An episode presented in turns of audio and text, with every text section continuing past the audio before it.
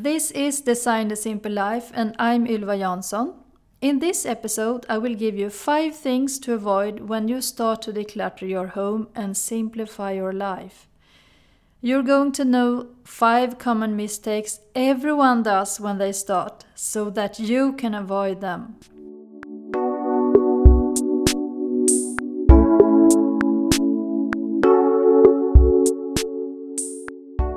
Welcome back if you have been here before, and welcome if you're a new listener. I'm very glad that you found me, and I hope I can inspire you to design the simple life you want and a simple lifestyle. The things I talk about here in my podcast is simplicity, feng shui, and health. Sometimes I invite people as guests and if you are interested in, for example, interior design, I have made a very interesting episode about that with Sally Soricelli, who is an interior designer based in California. Go and check in the episode list and search for episode number 37. Or if you would like to hear my interview with Isaura Tsama, uh, who is a Paris based personal stylist about how to build a personal sustainable wardrobe, search for episode number 29. I have also made many episodes about decluttering, so go and have a look in the episode list after you have listened to this episode. Recently, I published my new website and I have made some changes in my business. I have started a web shop with my photography art which I'm very passionate about. And for the moment, I'm also working on the content to the Simplicity Lifestyle membership, which is going to start in September.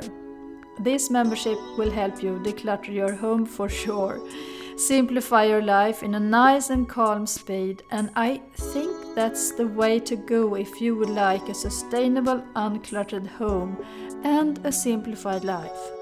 Once you have started to declutter and simplify, I will tell you that you don't want to go back to your messy home. Believe me, I have been there. So, for now, I still have the lowest starter price for founding members, and as you are a listener to my podcast, I definitely think this is something for you. So, to sign up, you'll find the link in the description for this episode. Also, go and check out my new website at www.ylvamariadesign.com and you can also read more about the membership there. So, now I will talk about 5 things to avoid when you simplify your life and declutter your home. This is very common mistakes people does when they're starting up the simplifying journey. But there are solutions for everything. And here it is.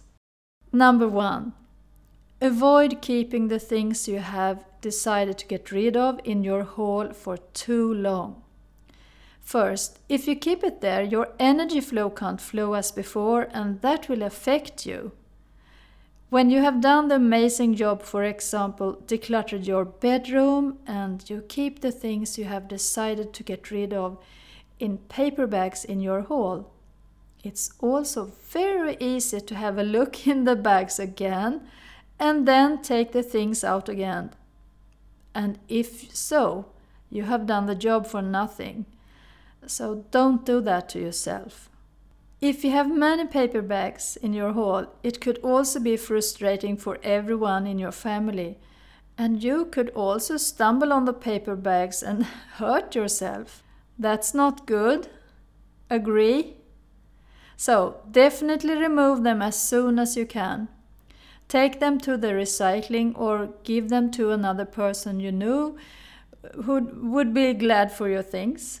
Or sell them at marketplace or at a second-hand shop. There are so many ways to go when decide what to do with the stuff you want to get rid of. And remember to celebrate when your hall is empty. I can promise you that you're going to feel a big relief in your body when the paper bags are gone. Number two, I know it's so easy to be sentimental when you're looking at your stuff and are in the process of save or not save. I remember back then I could sit for hours looking at old letters and photos and so on, and afterwards my boxes were even more worse than before. That's not good at all.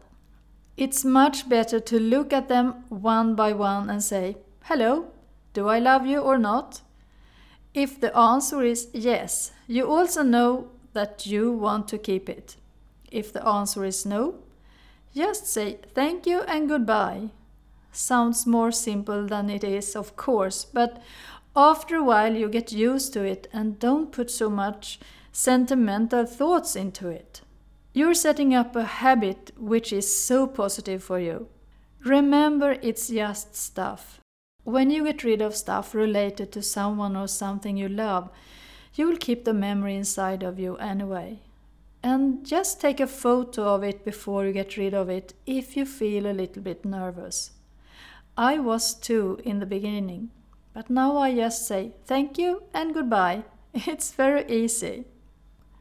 Number three, it's very easy to set up a time frame which isn't realistic.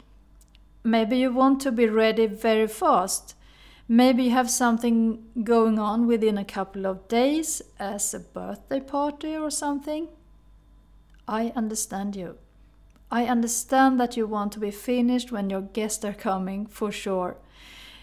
It's just that if you start too late, your time is running out and you're going to be very stressed in the process. I never, never recommend to declutter in a too short time frame. It takes time and it takes much energy to declutter your home, especially if your home is full of stuff and are very messy. It's much better if you know you have something going on in a couple of weeks, for example, a party, to start earlier, so you can avoid stress. If you're stressed, you can't take the best decisions, and maybe you just throw everything in your wardrobe before your guests are coming and then you have no energy to plan the party and also mess a wardrobe, right? So plan your time. That's so much better. Then your result will also be better and you will feel more satisfied with your job. I know that. Number four, declutter everywhere at the same time. That's a big no no. Not good at all. But it's also a very common habit when people start to declutter their homes. They want so much at the same time, and it will just be more messy than it was before.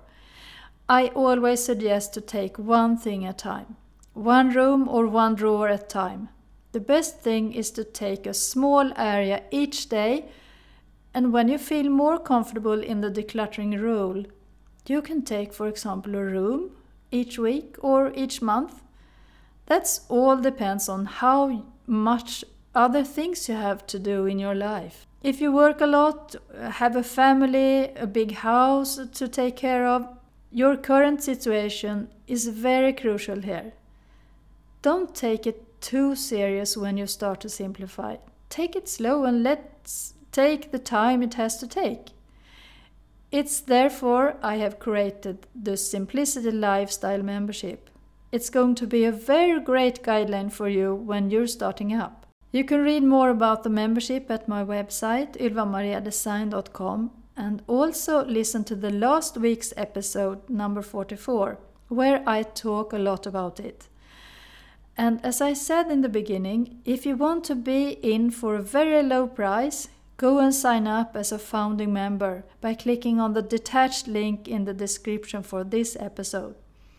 But hey, don't wait because very soon the price will go up. Now the last thing, number 5. A very common mistake many people do is to continue buy stuff after they have decluttered and make their homes beautiful without any attention about that it can be cluttered again.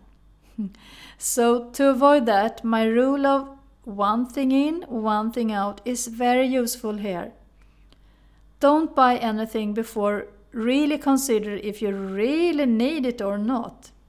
If you find something you like and that you think would be nice in your home, don't just buy it directly. think about it for a while. Maybe a few days or weeks if it's expensive or big. If you start that habit every time you find something nice for your home, your home will remain uncluttered if you also get rid of one thing when you buy something new. I hope this could help you a little bit when you're just starting out, and if you need my help, you know how I can help the Simplicity Lifestyle membership. Or if you prefer working private with me, I also offer one day simplicity coaching. And if you like, we can also include feng shui tips in that day. It's all up to you. You can go to my website and book a 15 minutes free call, and then after that, decide if you would like to work with me. This is Design a Simple Life, and I'm Ylva Jansson. Have a wonderful week, and don't be afraid of starting declutter your home. That will just enhance your life.